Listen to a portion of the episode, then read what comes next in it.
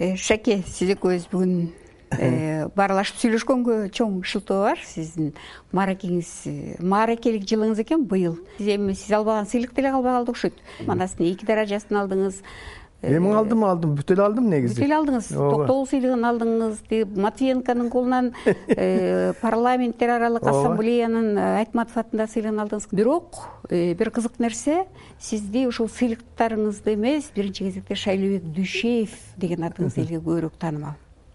Шайлообек дүйшеев болмогон бир тозок болду деп жазганыңыз бар. Кантип шайлообек дүйшеев болдуңуз? Ой букен өтө чоң суроо бердиң да чындыгында эле дүйшейип болуш чындыгында эле тозок болду. Э, өзүңдү алып жүрүш өзүңдү элге алып чыгыш элге таанылыш. Анан таанылгандан кийин өзүңдү кармаш. Мен ким элем мен ким болдум ким болушум керек деген суроо болот экен да. Мен өзүм токтоп калганды жаман көрөм. Токтоп калгандан корком. Токтоп калган чыгармачылыкта бул чыгармачылык өмүрүңдүн бүткөнү деп койсо болот да. Ошон үчүн токтоп калгандар да болот. Бирок ошо токтоп калганы моюнга албагандар да болот. А бирок токтоп калганы моюнга алган бул дагы өзүнчө ушул э, сиздин бир жеңиштериңиздин дагы артыкчылыктарыңыздын балким шыгыңыздын талантыңыздын өзгөчөлүгү ушунда болсо керек деп ойлойм мен. Э, тынымсыз чын эле өзүңүз айткандай иштеп келатасыз. Анан кызык жери көпчүлүк чыгармаларыңыз ушул алымдуу да дароо окурмандарын таап алат. Э, күйөрмандарды таап алат. Мен адабиятка аптап деген биринчи жыйнагым менен ыр жыйнагым менен аралаштым. Ошол адабияттын каалгасын чертип кирген босогосун аттап кирген паспортум ошол аптап деген жыйнак болду. Бул адабий чөйрөгө элге эмес адабий чөйрөгө бат эле таанылды. Аябай жакшы пикир туудурду анан биздин классик сүйүнбай эралиев каалоо тилегин билдирип дароо эле макала жазып чыкты. Анан а кишинин айткан сөзү ого бетер алып учуп кетти. Иши кылып адабий чөйрөдөн мен бекем орун алдым ошол бир жыйнагым аркылуу. бирок э, сиз э, агынды да жазсаңыз керек эле менимче кеч келдим. Мен кеч келдим ооба. поэзияга. Мен себеп эмнеде он тогуз жашка чыкканда армияда жүрүп бир ыр жазып э, анан кийин иленчил жаш кезинде жөнөтүп жибердим. Элди жерди сагынганда ушундай болот экен анан жооп келбей койду. Анан «Э, жооп келбесе анда жаккан эмес экен.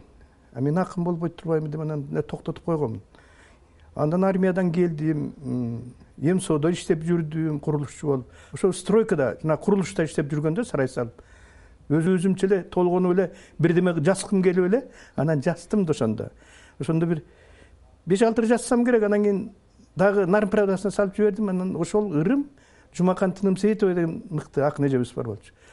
Ошонун баш сөзү менен нарын правдасына чыгып калганда ого бетер мени алып учуп кетти. Курулушта иштегим келбей калды. Анан ошол бойдон кетип калганмын анан э, баягы ыр дүйнөсү чыгармачылык дүйнөгө ошентип бирок кеч келдим. кирип кеттиңиз. Бирок кеч келгениңиз менен э, ушул жана өзүңүз айткандай аптап мисалы кайдыгерлик деген ырыңыз э, гимн болду го. Анан ортодо сүйлөшкөнгө чейинки сөз деген китеп жаздым. Ал көпүрө болду ортодо эл дагы бир аз атымды жытымды тааныгансып калды. Бирок андан кийин мен кайра нарынга кеттим нарында иштедим антип мынтип жүрдүм. Анан сексен үчүнчү жылы филармонияга келдим. Мен ошондо филармониядан көп нерсени көрдүм. Себеби чыгармачыл дүйнө менен аралашып артисттер менен иштешип калдым. Анан ошондо кайдыгерликти жаздым. Анан ошол кайдыгерлик мени алып чыгып кетти да элди көздөй анан анын үстүнө сагынбек момунбеков деген ал таптакыр бир узун туурасы жок ырлардын баарын гитарга салып алып ырдап ал ого бетер. Мени таанытты. Анан кийин ошондон баштап мен элге таанылдым. Кайдыгерлик ошондо адегенде беш миң нуска менен чыккан. Анан андан кийин элүү миң дагы элүү миң жүз миң нуска менен тарап кетти. Э, мисалы элдин турмушун жүрөгүн аңтарган ар бир жүрөккө жете турган кайдыгерлик сыяктуу ырлардын чыгышына ошол кездеги учурдоор дагы дал келип калды го дейм. Ооба ошондой болду. Себеби ушул баягы заман оодарылган учур болду. жанагы биздин коом өзү бүтүп баратпады беле горбачевдун кайра куруусу келип жаңыдан э, кайра куруу жанагы ачык айкын сүйлөө деген пайда боло баштабады беле ошонун демиби анын үстүнө мен өзүм эле табиятымдан э, баягы жетим өскөндүктөнбү. Көп мындай кемчиликтерге акыйкатсыздыктарга башкаларга караганда ата энелүү балдарга караганда мен ылдам реакция жасаган бир ошондой нерселер мени келишпестик нерселер алып чыгып кетти окшойт.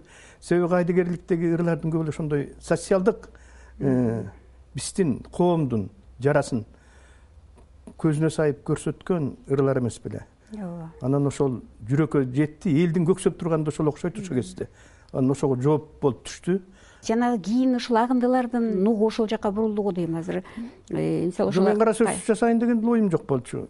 Мен баягы алтымыш жылдыкта мен жөнүндө айтыш фильм теле сюжет жасабадыбы. Анан ошону отко отко чуркаган бала. отко чуркан бала деп. Анан аны тиги өзүң эле жазбайсыңбы деп калды. Нуралы сценарийин кимге жаздырам эми нуралы капаров. Өмүрү сценарий жазып көрбөсөм десем ошо кыргызстан маданияты гезитинин башкы редактору нуралы капаров өзүмдүн курсташым досум анан айтып калды. Ой шаке өзүңүз эле жазыңызчы сиздин колдон келет да деп. Жазып келеңичи анан экөөбүз көрөлү деп. Анан мен үйгө кетип эле жазып келе калдым эртеси. Бирдемени чампалап элечи анан көрүп эле окуп эле анан айтып калды. Бул даяр сценарий болуп калыптыр. Ушу менен эле тартып турбайсыңарбы деп ошол бойдон тартылып калды. Андан кийин анан ал фильмди баары эле көрдү раматылык табылды көрбөнүн эртеси ай сен жаз жетим. Ал жетим деп сүйлөчү эй жетим жаз сенин колуңан келет экен. Сен жанагы ар бир сөзүң менин кулагыма угулуп турат. Деп эле ошентип калды. Анан отурдум анан чын эле жазайын деп. Анан ошондо анан баардыгы эсиме түштү да. Өткөндөрүм өткөн кеткен адамдын өткөнү аябай жомок сыяктуу сезилет эмеспи өткөнүң жаман болсо да көзүңө жакшы көрүнөт да анан энем менен жүргөн кез балалыгым менин көргөн азап тозогум жакшы нерселеримдин баары анан көзүмдөн чуурап өтүп турду да анан жаздым мен баягы эчтекесин жашыргым келген жок канча убакытта жаздыңыз ушу агындыларды мен эки үч айда эле жаздым окшойм. Мен эки үч айда эле жаздыңыз. бир иштегенде баш көтөрбөй иштейм да. Бир он жыл мурда чыкты окшойт э он үчүнчү жылы чыкты. Мына жыйырманчы жыл быйыл ошондо канча жолу чыгардыңыз китепти? мен ошо жетинчи жолу басылды. Жетинчи жолу басылды. жетинчи жолу басылды. Ар бир жолу канчадан басып атат ошондо миңден эки миңден басылып атты. Эми азыр биздин кыргызстанда нуска аз эле да. А бирок биздин билесиң бир ай бир китепти бир айда окушу мүмкүн. Кечээ бөдөш мамырова деген э, коомдук ишмер бар эмеспи ал келип айтып атпайбы ушул э, ал айда бир биринчи алган китебим агандылар дегенди э, ал айда айылда туугандарыма берип койсом бүт айылды кыдырып кетип калыптыр ошол бойдон колума кайра кайтарып ала албай жүрөм деп. Андайлар көп. Андайлар көп. бирок ошол эле учурда Э, агындыларды сындап жүргөндөр да бар адай чөйрөдө менин билишимче. Э бул өтө жеңил жазылган анан адай нормалар деген мындай болбош керек дегендей дагы бир сындарды айтып жүрүшөт э. Ооба сиз кандай э, эми аны мен деле мындай да эми бул нерсе баасын буга чейин эл берди. Эгер элге жакпаса эл талап деле кылбайт болчу. Могул кыргыз тилин жакшы билбегендер ар кандай кеп кыла берет экен? Мен тилдин күчүн көрдүм да. Ал грамоталык табыл деген бердиевди айткан. Эне тилимдин күчүн көрдүм да. Эне тилимдин күчү эмнеге жетерин? Мен ошол проза болобу поэзия болобу ошол биздин тилдин кереметин ошондо билдим мен байкагандан ушул акыркы айрыкча агындыдан кийин э, катуу иштеп аткандай сезилип атасыз да же мага ошондой сезилип атат. Мисалы ошол агындыларды жазып бүткөндөн кийин мен мурда жазып койгон нерселеримди кайрылантып мен кошок да жаздым жоктоорун айтматовго кошту жоктоорун жаздым манасты да дооронбек садырбаевго жаздым байылда сарногоевго кыялбек экөөбүз жазганбыз. Аны э, кошок деп кийин чыгардым өзүнчө. Андан кийин мен эки дөөнүн күрөшү дегенди жаздым. Бул манаска вариант. Э, мындан кыялбек менен анатай өмүрханов экөө баш тартып койгон. Түгө албай айтты да акын эле дейсиңер ушу вариантты кимиңер жасасыңар дегенде анан мен жазайын дедим. Тиги экөө жазбай коюшту анан мен жаздым. Жазып анан бул мамлекеттик сыйлыкты токтогул сыйлыгын ушул китеп алды. Агындыларда э, айтып атасыз. Акындык негизи жаштардын иши. Азыр мен ыр жазып жазгандарды көрсөм иттин өлүгүн сүйрөп бараткандай э, сүйрөп бараткан адамды элестетем деп жазып атасыз да. Кийин карасам сиз кайра эле поэзияны казып атасыз кайра эле сонун котормолорду чоң классиктердин котормолору менен азыр катуу иштеп атасыз. Ошол кездеги жазганыңыз бул ошол кезде э, ырды чаңган кезиңиз болду беле кризис беле. Себеби ошол кездеги ырларым менен кийин жазган ырларымды анан ошол ыр жазуудагы абалымды салыштырып көрсөм мен ойлодум да ошол тетиги жетимиш экинчи жыйырма экинчи жыйырма эки жашта жыйырма беш жашта жазган ырларымдын ушул саптарды мен кантип тапканмын кантип ойлоп тапканмын кантип башыма келген деп ойлогон учурларым болду. Эмне үчүн мен азыр андай анан баягы ээргүү ырга болгон бир эмелердин баары таптакыр өзгөрдү ошол кездегиден азыр өзгөрдү. Мамиле. Мамиле. Анан кийин мен жана айтып атпаймынбы нагы көлчүк туруп калса токтоп калса анан таптакыр башкача болуп калат да. Бузулат ал негизи бүт кыймылда болуп туруш керек да. Чыгармачыл адам деле бул дүйнө кыймылда болгондой эле чыгармачыл адам дайыма кыймылда анан өзүн өзү өзгөртүп туруш керек экен формасын. Анан ошентип жүрүп отуруп агындылар. Агындылар бүткөндөн кийин анан мен жанагыларды жазгандан кийин ошо жанагындай ойлорго келдим. Э, ыр мурдагыдан сейрек жазылып калды э, анда санда жазылып калды. Анан мен өзүмчө бук болгон учурум болду. Эч ким менен сүйлөшө албай калдым. Сүйлөшчү кишилер азайды нуралы менен баратбай менен сүйлөшө калчу элем алар дагы тияка кетет бияка кетет анан ошондон мен анан жана классиктер менен сүйлөшүп кирдим да сиз азыр э, түшүндүм. Есенинди которуп атасыз. Пушкинди котордум. Анан ахматованы лермонтовду котордум. Ахматова блок рубцовду баарын эле котордум. Есенинди мен сексенге жакын ырын котордум. Жакын аралыкта ооба фарсы кайрыктарын бүт котордум. Анан кийин бири бирине салыштырганга да жакшы болот экен. Ой тиги кандай дем алган бу кандай поэзияда. Бирок эми ошол которгондор көп да. Мисалы э, есениндин мен салыштырдым. Есенинди керес ырсалиев өзүнчө бир китебин чыгарышыптыр. Карадым ал киши билбейм гонорар үчүн эле которгонбу ал гонорар берилчү да. Негизи эле акын которуш керек экен. Акындарды акын которуш керек экен. Мисалы ахматова деген бул шаардык акын да а блок дагы айылда өскөн менен бир аз шаарга жакын. Пушкин таптакыр лермонтов менен пушкин бул деген коомдогу башка дворяниндер дворянин болгон ак сөөк таптакыр ой кыялы башка адамдар. Ошолордун ырына кирип көрдүм ошолордун дүйнөсүн аралап көрдүм да. Анан эң эле мага жакыны эсеним болду. Өзүмө окшоштугу менен. Кызык айылда э, анан тайкелердин колунда өскөнү кызык. Ал өзүнүн өмүр баянында жазат ооба. Бир эки зөөкүр тайкем бар эле дейт. Үйлөнүп элек. Тиги таятамдын балдары. Мен барганда эле үч жарым жашта жайдак атка мингизип туруп эме жайдак атка отургузуп туруп эле атты тепти дейт камчылап. Ошол бойдон алып учуп кетти жалын кармаган боюнча кеттим деп анан жазганы бар. Өлбөй калдым мен дагы тайнем көчкөндө таңып койгула эчтеке болбойт. Атка таңып койгула деп. Ой атка таңып койгондон кийин тетиги кийин чечип алышчу экен жайлоого барганда.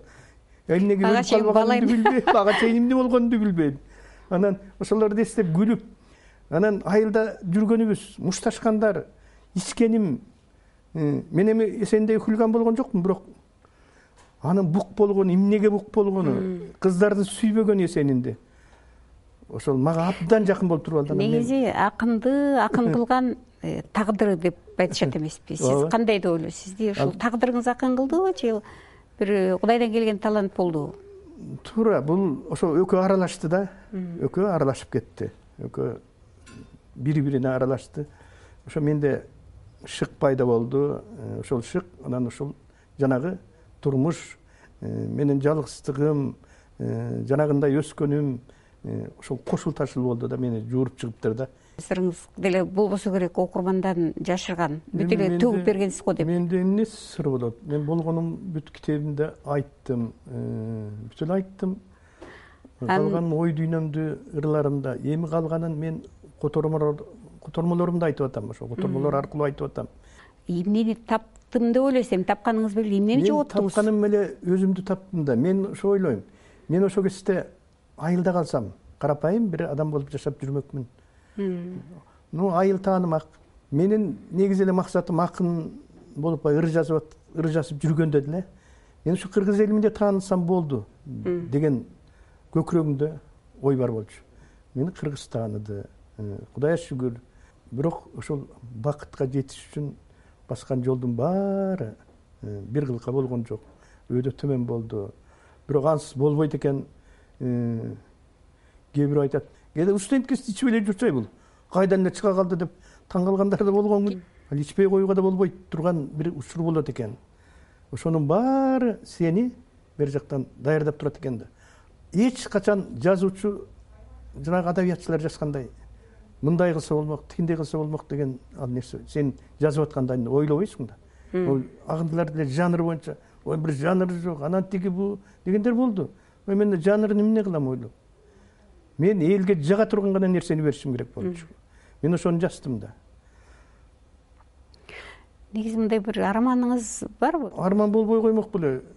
Баягы өткөн кездерди ойлойм ошол эле тукемди ойлойм. Мисалы кадырыңа жете тургандар азайган сайын алар улам өтүп кете берет узап кетет тияка кетет бияка э, нары жака өтүп кетет.